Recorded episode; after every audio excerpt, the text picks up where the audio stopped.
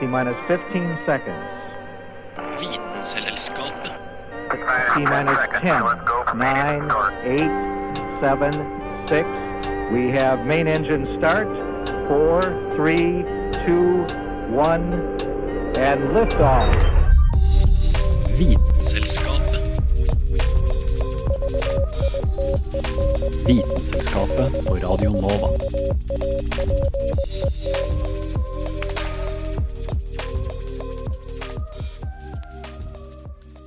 Ski-VM i Seefeld er nettopp ferdig, og nok en gang er Norge dritgod. Faktisk så har Norge aldri vunnet flere gullmedaljer i et ski-VM enn det de gjorde i år. 13 gull, 5 sølv og 7 bronse. Det å se sånne idrettsprestasjoner, enten det er landslaget eller det laget du heier på, ja, da blir man rørt og imponert. For sport lager en slags tilhørighet for oss mennesker. At man sammen heier frem et lag, ser de prestere, og kanskje vinne. Gjør noe med oss. Hvis ikke hadde nok ikke idrett vært så stort som den er. Dagens sending skal nettopp handle om sport, rekorder, doping og muskler. Jeg heter Anna Vik Rødseth, og du hører på Vitenselskapet. Vitenselskapet. Vitenselskapet på Radio Nova.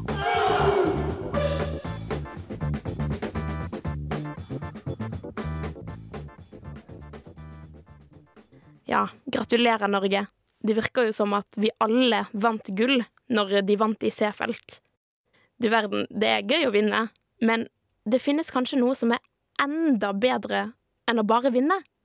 Og det er å vinne så hardt som ingen har gjort før. Har et halvt sekund og ligger bare tiendedel etter når han hadde 32,7 på siste runde. Ja, dette klarer Johan Kaas! Han kommer igjen til å sette verdensrekord! Han kommer til å ta gull! Blir det rekord? Ja! Det ble det! 6.34,96! Den få ting i sportsverdenen som får blodet til å bruse så mye som en verdensrekord. Når man har gjort noe så bra at ingen i hele verden har gjort det bedre noen gang før. Særlig hvis det er en nordmann som gjør det, for da er det på en måte sånn at vi har vært med på det alle sammen. Spør bestefar eller bestemor neste gang du møter dem om tallet 16326 betyr noe. Da vil etter min beregning, selv de minst interesserte, drifte tilbake et ja, Hjallis på Hamar, ja, i 1952. For et løp det var, Norge sto på hodet. Tilbake på 50-tallet var man sikre på at Jallis sin nye rekord på 10 000 meter var bortimot uslåelig.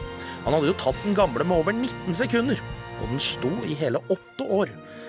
Men i dag så er den nede på 12.36,3, altså over fire minutter raskere. Så midt i all den drømminga her, så fikk jeg her om dagen et interessant spørsmål. Eller det ble vel mer påpekt av ei venninne som ikke kan sies å være sånn overstadig interessert. Rekorder er jo kult og sånn, men det må jo stoppe et sted. Hvis ikke vil jo folk til slutt løpe raskere enn lys og sånn, og det går jo ikke. Og så lo jeg litt. Og så tenkte jeg meg om, altså jo, det går jo selvsagt ikke an, men det må jo bety at det finnes en eller annen grense for hvor rekordene faktisk må stoppe. La oss legge skøytene på hylla for denne gang og ta utgangspunkt i 100-meteren, idrettens Formel 1, keiser Bolts manesje. Hvor fort er det fysisk mulig for et menneske å ta seg fram denne distansen? Vi kan egentlig dele opp forskerne på dette feltet i to. Den første er matematikerne. En forsker ved navn Reza Nobari kalkulerte midt på 2000-tallet at rekorden til syvende og sist kunne flyttes lavt på 940-tallet, men at det var grensen. Det skal sies at dette var før Usain Bolt, den høye jamaicaneren med det store smilet. Og før Bolt hadde verdensrekorden flytta seg med 16 hundredeler på 16 år. Bolt gjorde det samme på ett år. Sånt er vanskelig for matematikere å forholde seg til. Reza mente at hans estimat nå lå noe lavere enn det han først hadde sagt. Men for matematikerne så er det bare tre faktorer som kunne gjort løpet hans enda raskere. Å være kvikkere ute av startblokka, å løpe med mer medvind, eller å løpe langt opp i fjellheimen, hvor lufta er tynnere og gir mindre motstand. Men sånn bortsett fra å fly Bolt opp på Galdhøpiggen eller Everest og grave et 100-meterstykke i snøen der, finnes det en annen innfallsvinkel på toppfarten. Og da skal vi til mekanikken.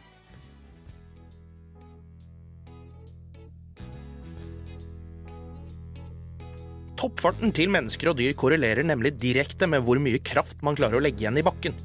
Bolt og toppsprinterne dunker ned med en kraft på over 400 kilo når de er oppe i toppfarta si. Gjennom en studie ved et universitet i Dallas har man kikket på hva den maksimale kraften vi kan legge ned, kan tenkes å være. Ved å få studieobjekter til å hinke på ett ben på en spesialdesigna tredemølle, har det vist seg at krafta beina har kapasitet til å møte underlaget med, er 40% høyere enn det sprinterne klarer å legge igjen. Så teoretisk kan musklene våre tåle en toppfart opp imot 65 km i timen. Det raskeste som er målt i dag, er for øvrig 45 km i timen hos Usain Bolt. Hva er da problemet? Det er fotene, som han sier i Trøndelag. Føttene våre er for små, og vi har bare to av dem. Hvis man ser på de raskeste landdyra, som hunder eller geparder, har de lange føtter og attpåtil fire av dem. Det betyr at de har en helt annen mulighet til å kontinuerlig legge ned kraft i underlaget for å propellere seg framover.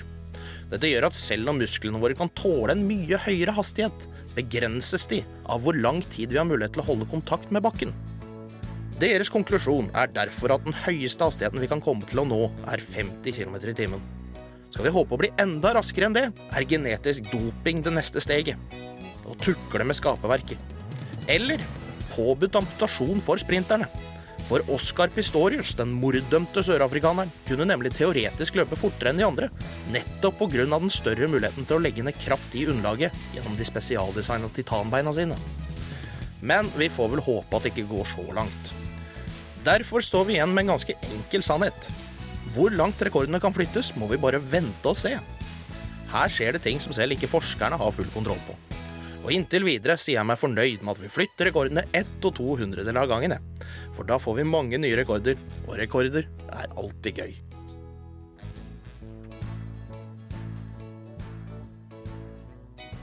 Verdensrekorden til Bolt er for øvrig 9,58, og den har stått i elleve år nå. Denne saken ble laget av Dag Løvold Magnussen. Hvis visst, visst, visst, visste du at? Hvis du at? Visste du at det amerikanske luftforsvaret planla å lage noe det de kalte gay bomb? Bomben skulle være et ikke-dødelig kjemisk våpen som skulle spre kvinnelige kjønnshormoner over fienden for å gjøre dem seksuelt tiltrukket hverandre. Visst, visst, visst, visst, visst, du at?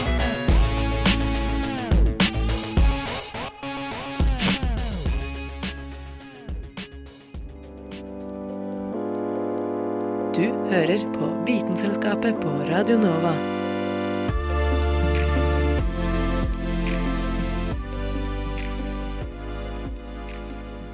Kroppen din blir ødelagt og bygger seg selv opp igjen hele tiden.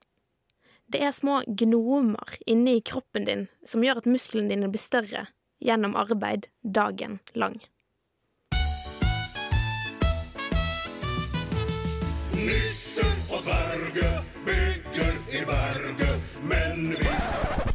Nei da. Folk som er ute etter å bygge muskler, assosieres sjelden med barnemusikk.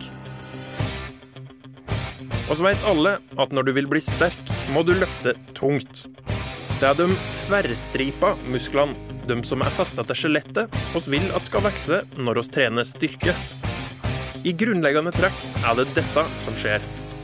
Når du vil ta tak og lempe på noe, sender hjernen din signal til motornevron i det spesifikke området som trengs. Skal du lette på ei vekt, er det da motornevron i biceps som først blir aktiverte. Signalene disse gir ut, sier til muskelbuntene dine at de skal trekke seg sammen.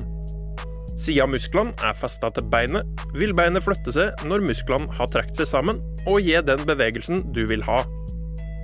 Når ting blir tyngre å løfte, holder det ikke å bare bruke biceps. Alt etter hvordan du løfter, vil òg muskler i føttene bli mobiliserte.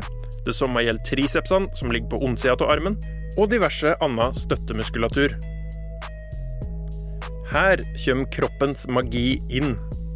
Når du anstrenger musklene dine, blir de revet sonn. Ikke så hardt at de ryker på tvers, forhåpentligvis, men ørsmå rifter oppstår i de musklene du har brukt.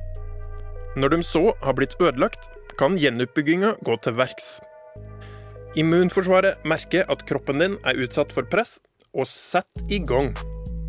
Cytokiner kommer det til utsetning, og det de gjør, er å bygge opp igjen det som har blitt skada. Hver gang dette skjer, blir de reparerte musklene litt og litt sterkere. Derfor må du over tid løfte tyngre og tyngre ting. Nettopp så du kan fortsette å rive sunt musklene.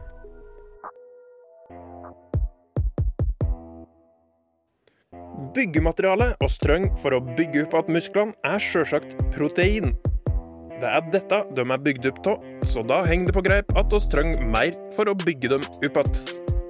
Nå er det ikke sånn som mange tror, at dess mer protein du presser i det, dess større og sterkere vil du bli. Det stemmer at folk som trener, trenger mer enn dem som ikke gjør det.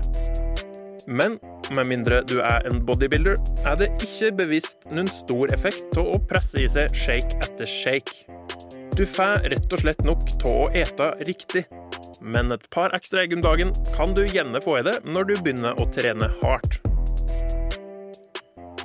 I stedet for å bare fokusere på protein, bør du fokusere på å få hvile. For etter at kroppen har blitt litt ødelagt, er det viktig at den får anledning til gjenoppbygging. Og dette skjer når den er i ro, hovedsakelig i søvne. Så når du skal bygge musklene dine, pass på at du får åtte timer hver natt. Ikke like spennende som å kjøpe den nyeste sjokoproteinshaken designa av et team med rakettforskere, men desto viktigere.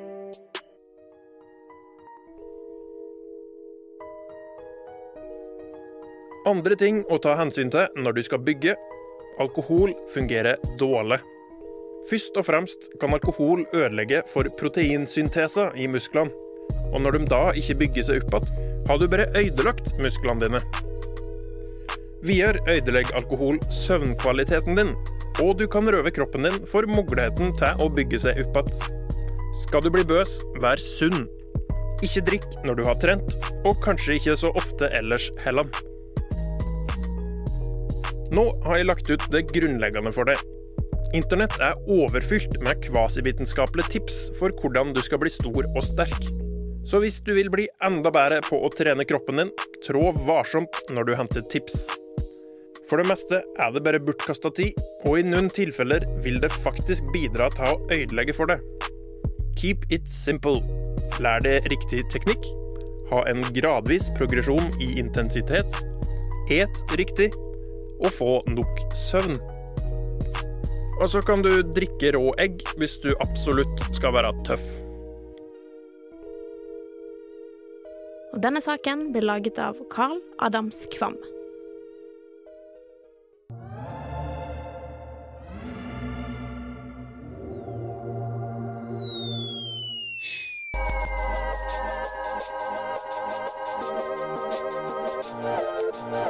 Visste du at mange pattedyr har et penisbein?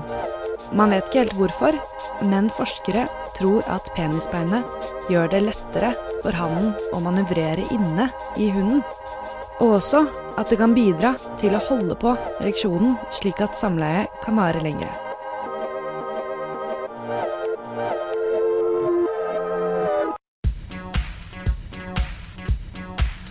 Hæla i taket med Vitenselskapet.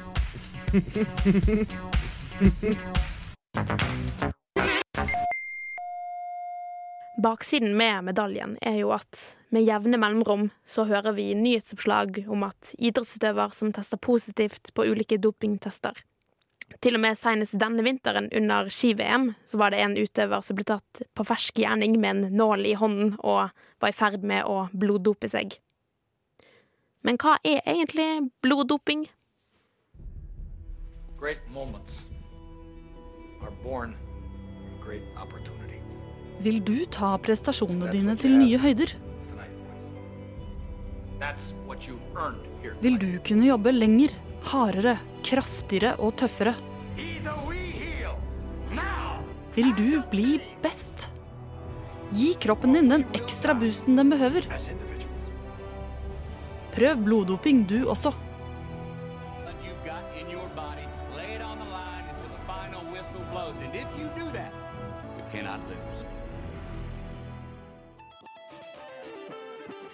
La oss snu den gullbelagte medaljen og utforske hvordan sportsutøvere benytter bloddoping for å prestere bedre. Bloddoping kan i all hovedsak deles inn i tre kategorier, eller metoder. Det er blodoverføringer der kroppen tilføres ekstra røde blodceller, tilførsel av hormonet erytropoetin, EPO, og tilførsel av syntetiske oksygentransportører eller kunstig blod. Blodoverføring skjer enten ved tilførsel av blod fra en annen person eller av eget tappet blod. Blodet tappes fra utøverens kropp noen uker før konkurranse. Blodet sentrifugeres slik at de røde oksygentransporterende cellene skilles fra resten av blodet, og det lagres under optimale betingelser. I mellomtiden har kroppen til utøveren rukket å erstatte det tapte blodet med nytt blod. De røde blodcellene settes inn i kroppen igjen før konkurranse, og utøveren oppnår dermed en mye høyere konsentrasjon av de røde blodcellene. Antallet røde blodceller som sirkulerer i blodbanen, er med på å avgjøre kroppens maksimale evne til å bruke oksygen. For å forstå denne prosessen må vi se nærmere på hvordan nye blodceller dannes i kroppen.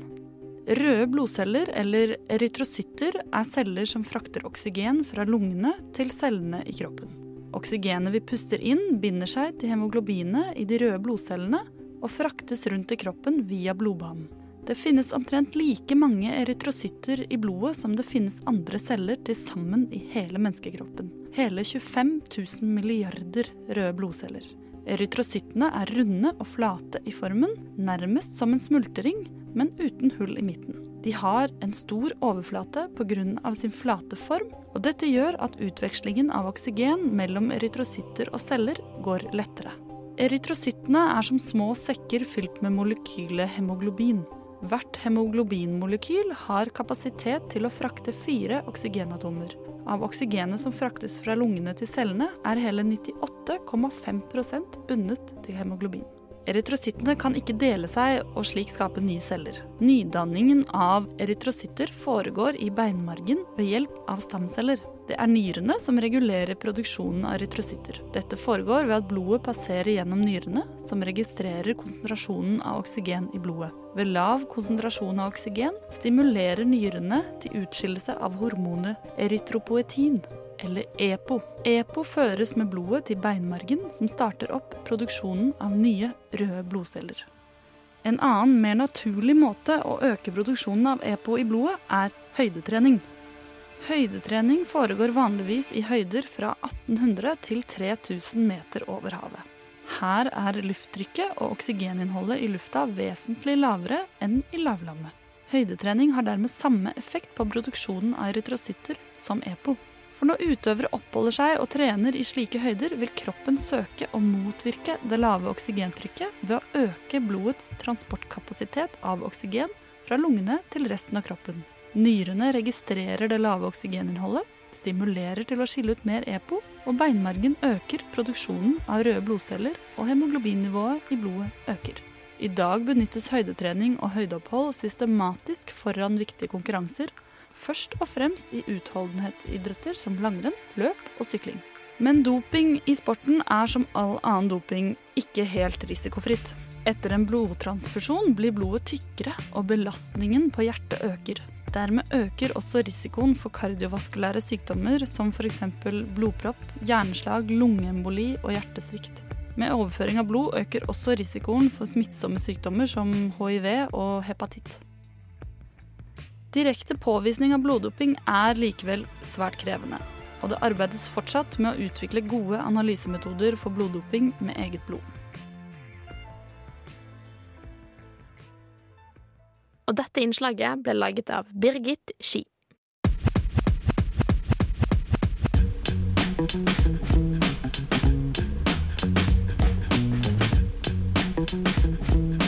Hvite nytt. Det du trenger å vite. Ja, da var det klart for Vite nytt, og med meg i studio har jeg fått besøk av Julianne. Hallo. Hei. Hva er det du skal fortelle oss i dag? Eh, til å begynne med så har jeg en veldig spennende nyhet fra eh, Oslo, faktisk. Fra UiO. eh, hvor eh, de har funnet opp en eh, liten brikke som eh, kan inneholde Eller som kan på en måte simulere et organ. Ok. Eh, altså et kunstig organ. Det har ikke fått noe norsk navn ennå, men Mm. det heter eh, Organ on a chip. Så det er ikke et organ, men det er på en måte en, en brikke som stimulerer et kunstig organ du har i kroppen fra før? Ja. Eh, det er på en måte en sånn eh, eh, mikrochip, Mhm. eh, sånn som jeg har forstått det. Eh, det største bruksområdet var eksempel å eh, bruke det istedenfor å teste på dyr. Nye stoffer og nye ja, sminke og alle slags typer produkter. Ok, Så den chipen er på en måte istedenfor å teste f.eks. medikamenter og sminke på dyr? Ja, eh, eller kanskje ikke, ikke helt istedenfor, men du reduserer i hvert fall eh, antall, eller mengden, da, med, med forsøk du må gjøre på dyr. Ok, eh, ved å bruke denne denne Ja. chipen. Fordi du kan ikke 100 eh, eliminere og måtte forske på dyr og mennesker eh, når det gjelder, spesielt når det gjelder medisiner. Men eh, det kan jo redusere antallet, da. Og det er jo bra. Ja, det er bra. Ok, Så denne chipen ja, på en måte tar litt av støyten for eh, forsøk vi gjør på dyr og mennesker? Ja, og så er den mer eh, realistisk enn når de må teste på eh, vevsprøver og i liksom prøverør med liksom bare Ja, I kultur? Ja, i kultur Mm. og sånn. Eh, så det er jo Det funker bedre enn det, da. Ja, ja. Det å Um, teste på ordentlige dyr som en organisme er jo, får jo mye mer realistiske resultater, istedenfor bare å teste på en liten cellekultur i en skål. Så Ja. det er jo Det er bra. Egentlig uh, mest interessante, syns jeg, da, uh, delene ved den studien, var at de sa at uh, det kan bli brukt uh, i verdensrommet også. Så du finner ut av, du finner ut av hvordan organene våre reagerer på lav tyngdekraft. da. Så den chipen er med på liksom å eh, registrere hvordan organet oppfører seg uten tyngdekraft, eller lav tyngdekraft, for eksempel? Ja, eh, man kan jo bruke den til å måte, ja, for å teste ut ting, da. Eh, ja, sjekke hypoteser, da. Mm. Og se om det funker, hva som funker, hva som ikke funker. Og ja, da er det jo veldig spennende i verdensrommet, i hvert fall.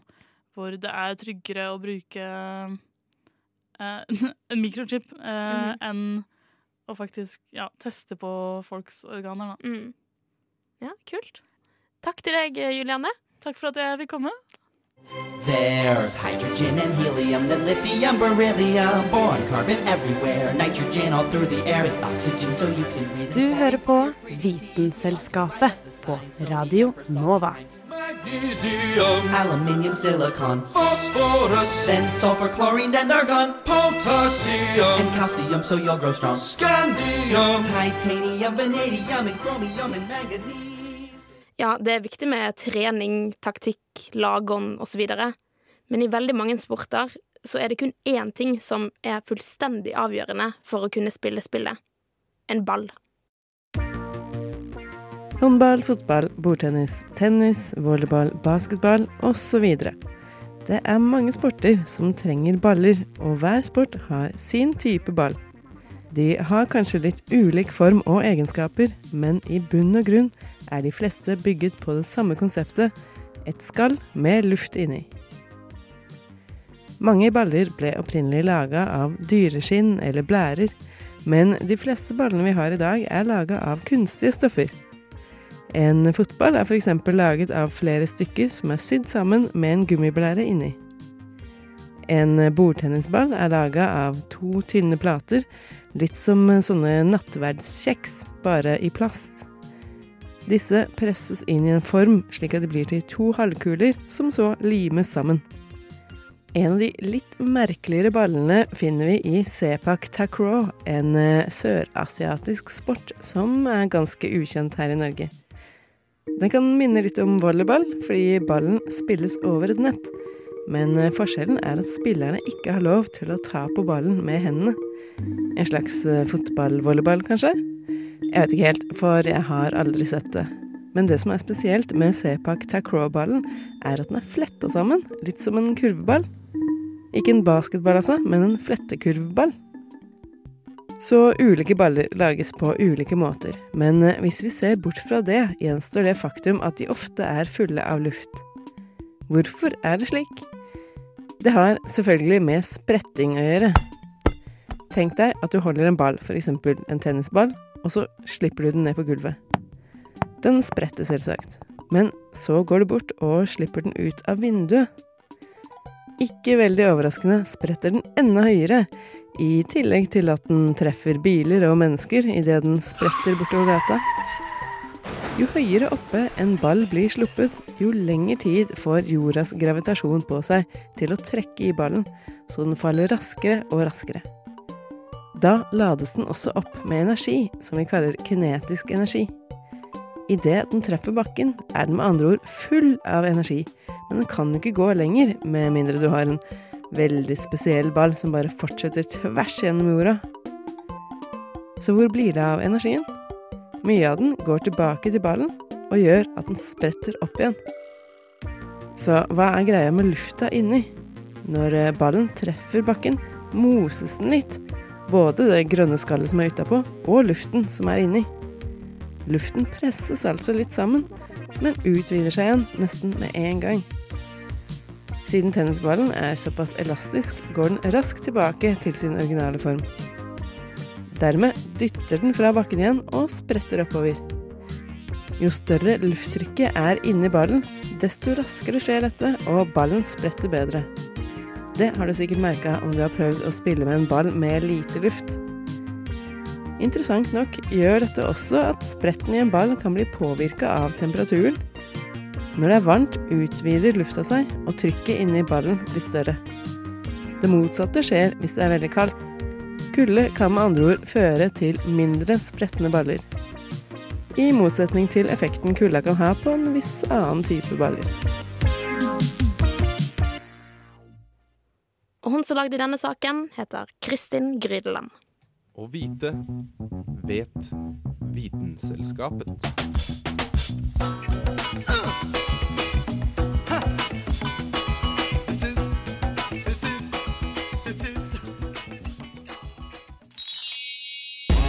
Visst, visst, visst, visste du at?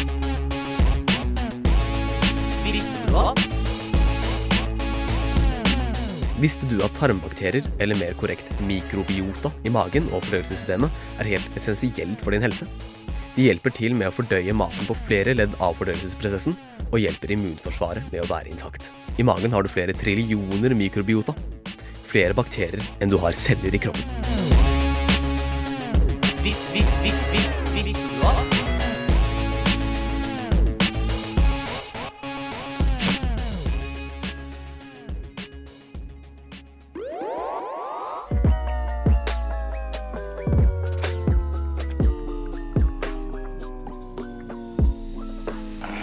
du.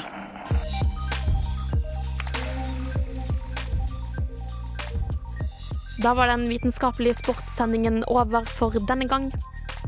Men vi snakkes igjen neste uke. Eller så kan du høre på podkast når du vil. Vi heter Vitenselskapet overalt.